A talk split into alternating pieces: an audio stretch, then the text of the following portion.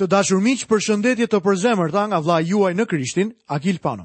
Ju uroj mirëseardhjen në emisionin e sotëm, emision në të cilin vazhdojmë studimet tona mbi librin e parë të mbretërve. Jam kaq i lumtur që së bashku jemi duke studiuar fjalën e Perëndisë së gjallë dhe sot do të ndalemi në kapitullin e 11 të këtij libri për të parë çështjen e turpit dhe vdekjen e Solomonit. Solomoni, biri i Davidit, mbret i kurorzuar, ishte dështimi kolosal më i madh në faqet e shkrimit.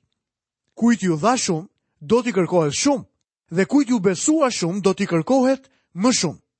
A i kishtë mundësi më të më dha që ka pasur do një njëri që ka jetuar në tokë. A i filloj duke mos patur sukses në largimin e fes së reme. Ajo që në fillim ishte vetëm një njollë, u bë një plag e madhe lebre.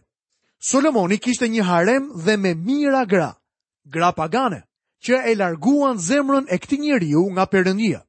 Për këtë arsye Zoti ngriti armiq kundra Solomonit dhe lejoi Jeroboamin të ngrihej dukshëm derisa të çonte në ndarje mbretërinë. Lexojmë pa humbur kohë nga vargu i parë në kapitullin e 11 të librit të parë të mbretërve. Por mbreti Solomon, veç bijës së faraonit, dashuroi shumë gra të huaja, Moabite, Amonite, Idumeje, Sidonie dhe Hiteje. Përsa sa u përket grave, Solomoni e modeloi jetën e tij sipas Davidit. Është për ta ardhur keq që ai nuk mori një fush tjetër të Davidit, për shembull.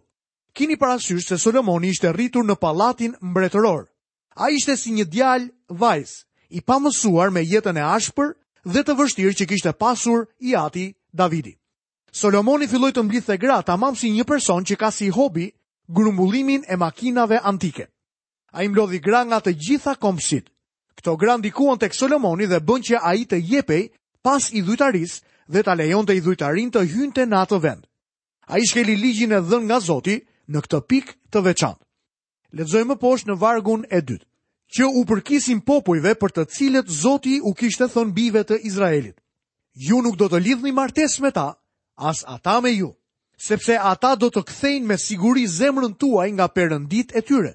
Por Solomoni u bashkua me këto gra nga dashuria.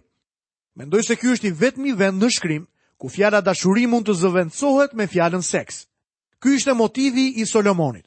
Ai ishte arritur në pallatin e grave dhe nuk ishte një or kurr as gjeta ashpër apo burrore. Kur u rrit, Solomoni e shpenzoi kohën e tij duke mbledhur gra. Ai ishte mësuar me shoqërinë e tyre. Ai ishte një burr i pispillosur. Ai ishte si shumë burra që kemi sot në shoqërinë tonë. Perëndia do të merret me të në këtë pikë. Perëndia nuk e aprovoj atë që bëri Solomoni, sepse shkrimi në thotë. Letëzoj më poqë vargun e nëndë, deri në vargun e tre më Prandaj Zoti u zemërua me Solomonin, sepse zemëra e ti që larguar nga Zoti.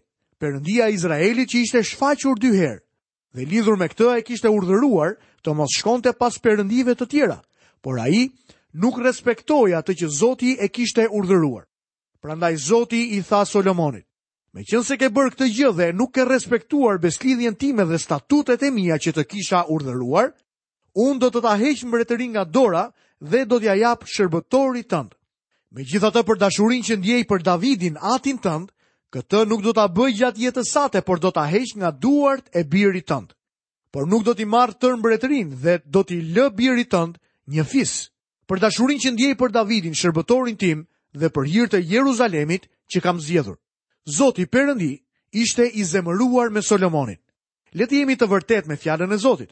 Ka disa njerëz që thonë, "O po prit pak, shiko, Zoti e lejoi Solomonin që të kishte mira gra. Regjistrimi na jep numrin e sakt të tyre. Kjo është histori." Por gjithashtu këtu zbulohet edhe qëndrimi i Zotit në lidhje me këtë çështje. Zoti ishte i zemëruar me Solomonin. Zoti tha që nuk do ta merrte të gjithë mbretërinë nga Solomoni. Një fis do t'i lihej për birin e Solomonit. Unë mund të them se a i fis ishte Benjamini. Solomoni ishte antar i fisit të judës sigurisht që edhe a i fis do të qëndronte me të.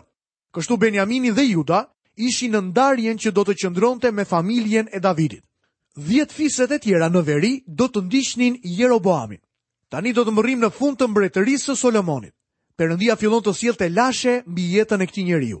Nuk ka paqe për të pabesët, thot Perëndia im. Solomoni kishte shijuar paqen. Tani për herë të parë gjatë mbretërimit të tij do të kishte luftë. Lexojmë në Vargun e 14. Zoti i ngriti kundër Solomonit një armik, Hadadin i Dumeon, që ishte një pasardhës i mbretit të Edomit. Tani do të prezantohemi me Jeroboamin. Lexojmë nga Vargu i 26 deri në Vargun e 28. Edhe Jeroboami, shërbëtori i Solomonit, ngriti krye kundër mbretit. Ai ishte biri i Nebadit e frateut të Ceredës, dhe kishte nën një të veme emrin Cerua. Arsyeja pse ngriti krye kundër mbretit ishte kjo. Solomoni duke ndërtuar Milon, kishte mbyllur të çarën e qytetit të Davidit, atit të tij.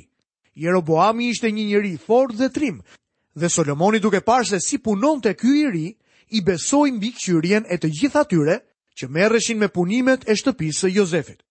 Edhe pse Jeroboami ishte biri i një shërptori, Solomoni e pranoi që ky ishte një iri me aftësi dhe talent të konsiderueshëm. Për këtë arsye, Solomoni e ngriti në pozit duke e bërë mbikëqyrës në punët e tij publike. Lexojmë më poshtë nga vargjet 29 deri 32. Në atë kohë, ndërsa Jeroboami po dilte nga Jeruzalemi, profeti Ahia nga Shilohu, që kishte veshur një mantel të ri, e takoi rrugës dhe ishin ata të dy vetëm në fushë. Ahiau mori mantelin e ri që vishte dhe grisi në 12 pjesë. Pastaj i tha Jeroboamit: "Merr për vete 10 pjesë, sepse kështu thot Zoti, Perëndia i Izraelit: Ja, unë do ta heq mbretërinë nga duart e Solomonit dhe do të të jap 10 fise. Por atij do t'i mbetet një fis për hir të Davidit, shërbëtorit tim, dhe për hir të Jeruzalemit, për qytetin që kam zgjedhur midis gjithë fiseve të Izraelit." Profeti Ahia mori mantelin e ri të Jeroboamit dhe e grisi në 12 copë. A i dha 10 copë Jeroboamit dhe i tha, përëndia në këtë mënyrë do të të japë ty 10 fise. Mbretëria do të ndahet. Përse Zoti do të ndante Izraelin në dy mbretëri? Lezëmë poshë vargun e 33. Sepse ata më kanë braktisur dhe kanë rënë për mbys për para ashtorethit përëndeshës së Sidonitve, për para kemoshit përëndisë së Moabit, dhe për para Milkomit, përëndisë së bive të Amonit, dhe nuk kanë ecur në rrugët e mija për të bërë atë që është e drejt në sytë e mi dhe për të respektuar statutet dhe dekretet e mija, ashtu si që bëri ati i ti Davidi. Profeti vazhdon mesajin e ti, për hirtë të Davidit përëndia nuk do të heqë mbretrin krejtësisht nga duart e Solomonit, por do të heqë nga duart e birit të Solomonit dhe do të japë 10 fise Jeroboamit. Pas këtyre gjërave, Jeroboami detyrohet të largohet për të shpëtuar jetën e tij. Lexojmë vargun e 40. Prandaj Solomoni kërkoi të shkaktonte vdekjen e Jeroboamit, por Jeroboami u ngri dhe iku në Egjipt pranë Shishakut, mbretit të Egjiptit, dhe qëndroi në Egjipt derisa vdiq Solomoni. Lexojmë më poshtë nga vargu i 41 deri 43. Pjesa tjetër e bëmave të Solomonit, gjithë ato që bëri dhe dituria e tij, A nuk janë val të shkruara në librin e bëmave të Solomonit? Solomoni mbretroj në Jeruzalem mbi të gjithë Izraelin 20 vjetë. Pastaj Solomonin e zuri gjumi me e të ti dhe u varros në qytetin e Davidit ati të ti. Në vend të ti mbretëroj i biri Roboami. Ne do të shohim më shumë nga veprat e Solomoni dhe diturisë të ti tek libri i par dhe i dyt i kronikave. A ishte një sundimtar plot një gjyra në sensin që grumbulloj shumë nga pasurit e kësaj bote gjithçka në mbretëri tregonte pasuri, begati dhe prosperitet. Në testamentin e ri, Zoti ynjë referohet lavdisë së Solomonit. Në mbretërinë e tij ishte një lavdi toksore. Këtu do të përfundojmë studimin e kapitullit të 11 të librit të parë të mbretërve dhe do të fillojmë studimin e kapitullit të 12. Tema që do të shqyrtojmë këtë kapitull është ndarja e mbretërisë me Roboamin dhe Jeroboamin. Në kapitullin e 12, Roboami, biri i Solomonit, pati sukses në front. Jeroboami u kthye nga Egjipti dhe filloi udhëheqjen e 10 fiseve duke kërkuar një reduktim të taksave. Ndërsa Roboami kishte refuzuar këshillën e pleqve që ishin këshilltarët e Solomonit.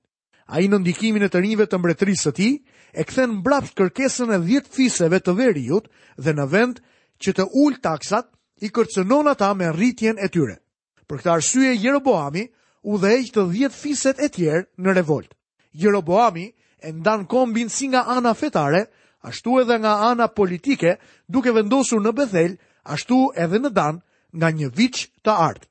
Fiset veriore bien në idhujtari. Solomoni vdi dhe biri i ti Jeroboami erdi në front. Ledzojmë nga vargu i parë deri në vargun e 5 në kapitullin e 12 të libri të parë të mbretërve. Roboami shkoj në Sikem sepse tër Izraeli kishte ardhur aty për ta bërë mbret. Kur Jeroboami, biri i Nebatit, e mësoi këtë, ai ishte në Egjipt ku kishte ikur larg pranisë së mbretit Solomon dhe Jeroboami jetonte në Egjipt. Atëherë dërguan ta athërrasin, Kështu Jeroboami dhe tër asambleja e Izraelit erdhën t'i flasin Roboamit dhe i thanë: "Ytate ka bërë zgjedhjen ton të rënd.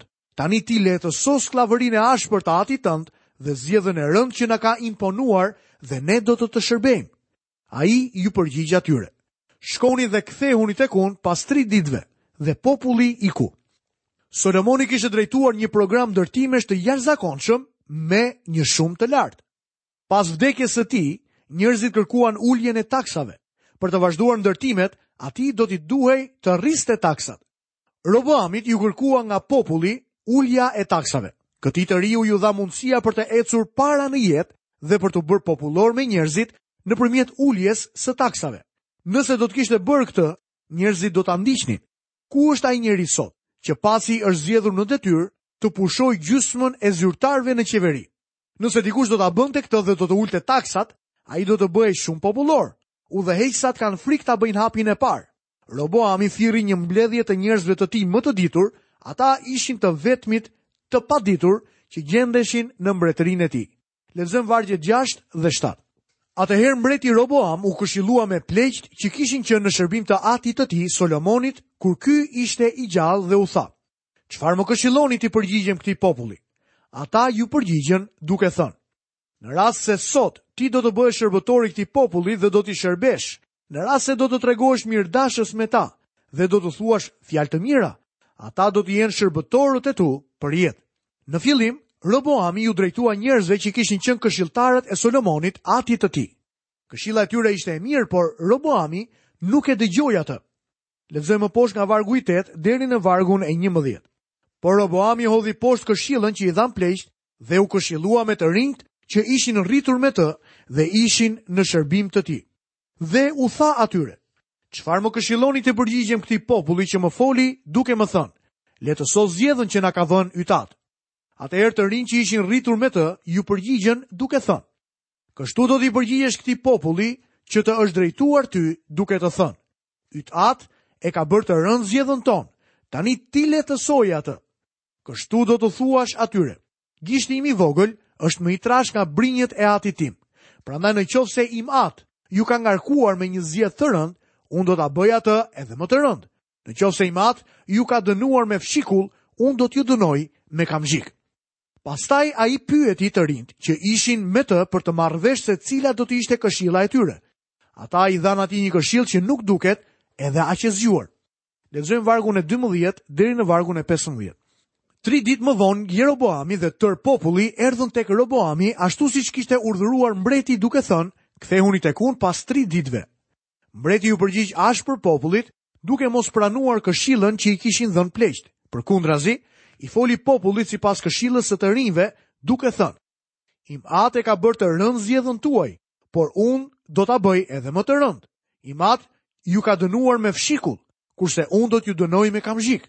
Kështu mbreti nuk mori parasysh kërkesën e popullit, sepse rrjedha e njarjeve vare nga Zoti, në mënyrë që të përmbushej fjala që Zoti, i kishe drejtuar Jeroboamit, birit të Nebadit, me antë Ahijahut nga Shiloh.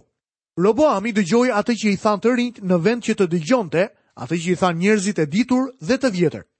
A i u tha njerëzve, në vend që të ullë taksat kam dërmën të angre, në vend që të jemi i but, për do të bëhem akoma më jashpër. Lezoj më posh nga vargu i 16. Kur tër Izraeli pa që mbreti nuk e dëgjonte, ju përgjigja ti duke i thënë, qëfar pjese kemi ne me Davidin. Nuk kemi as një trashëgimni me të birin e Isajt, në qadrat e tua o Izrael. Tani kujdesu për shtëpin tënde o David. Kështu Izraeli u tërhoqë në qadrat e ti. Ky ishte rebelim. Kjo gjë shkaktojnë darjen e mbretris dhe qoj si përfundim në luft civile. Lezëm vargun e 18. Mbreti Roboam dërgoj Adoramin të ngarkuarin me haracet, por tër Izraeli e qiloj me gur dhe a i vdicë. Atëherë mbreti Roboam shpejtoi të hipë një qerre për të ikur në Jeruzalem. I gjithë Izraeli e qylloi me gur Adoramin. Në këtë mënyrë, ata e hoqën qafe ta grambledhsin. Kur Roboami dëgjoi atë që ndodhi, u largua drejt Jeruzalemit. Lexojmë në vargun e 19. Kështu Izraeli ngriti krye kundër shtëpisë së Davidit deri në ditën e sotme. Izraeli rebeloi kundra shtëpisë së Davidit deri në kohën kur u shkrua libri i par i mbretërve. A i ishte një rebelim që vazhdoj deri sa u këthyen nga sklavëria Babilonase. Vendimi jo e zgjuar i Roboamit, duke mos dëgjuar popullin, i kryoj mundësi i Roboamit të merte dhjetë fiset e veriut dhe të ndërtonte në bretërin e veriut. Të dashrumish, këtu kemi mbritur edhe në fundin e emisionit të sotëm. Ju kujtoj që në emisionin e ardhshëm do të vijoj me studimin ton në lidhje me idhujtarin e Jeroboamit pra individit i cili ndërtoi mbretërinë e veriut të Izraelit. Deri atëherë nga vllai juaj në Krishtin Akil Pano, paçi të gjitha bekimet e Perëndis dhe paqen e tij në jetën tuaj. Bashkë miru dëgjofshim në emisionin e ardhshëm.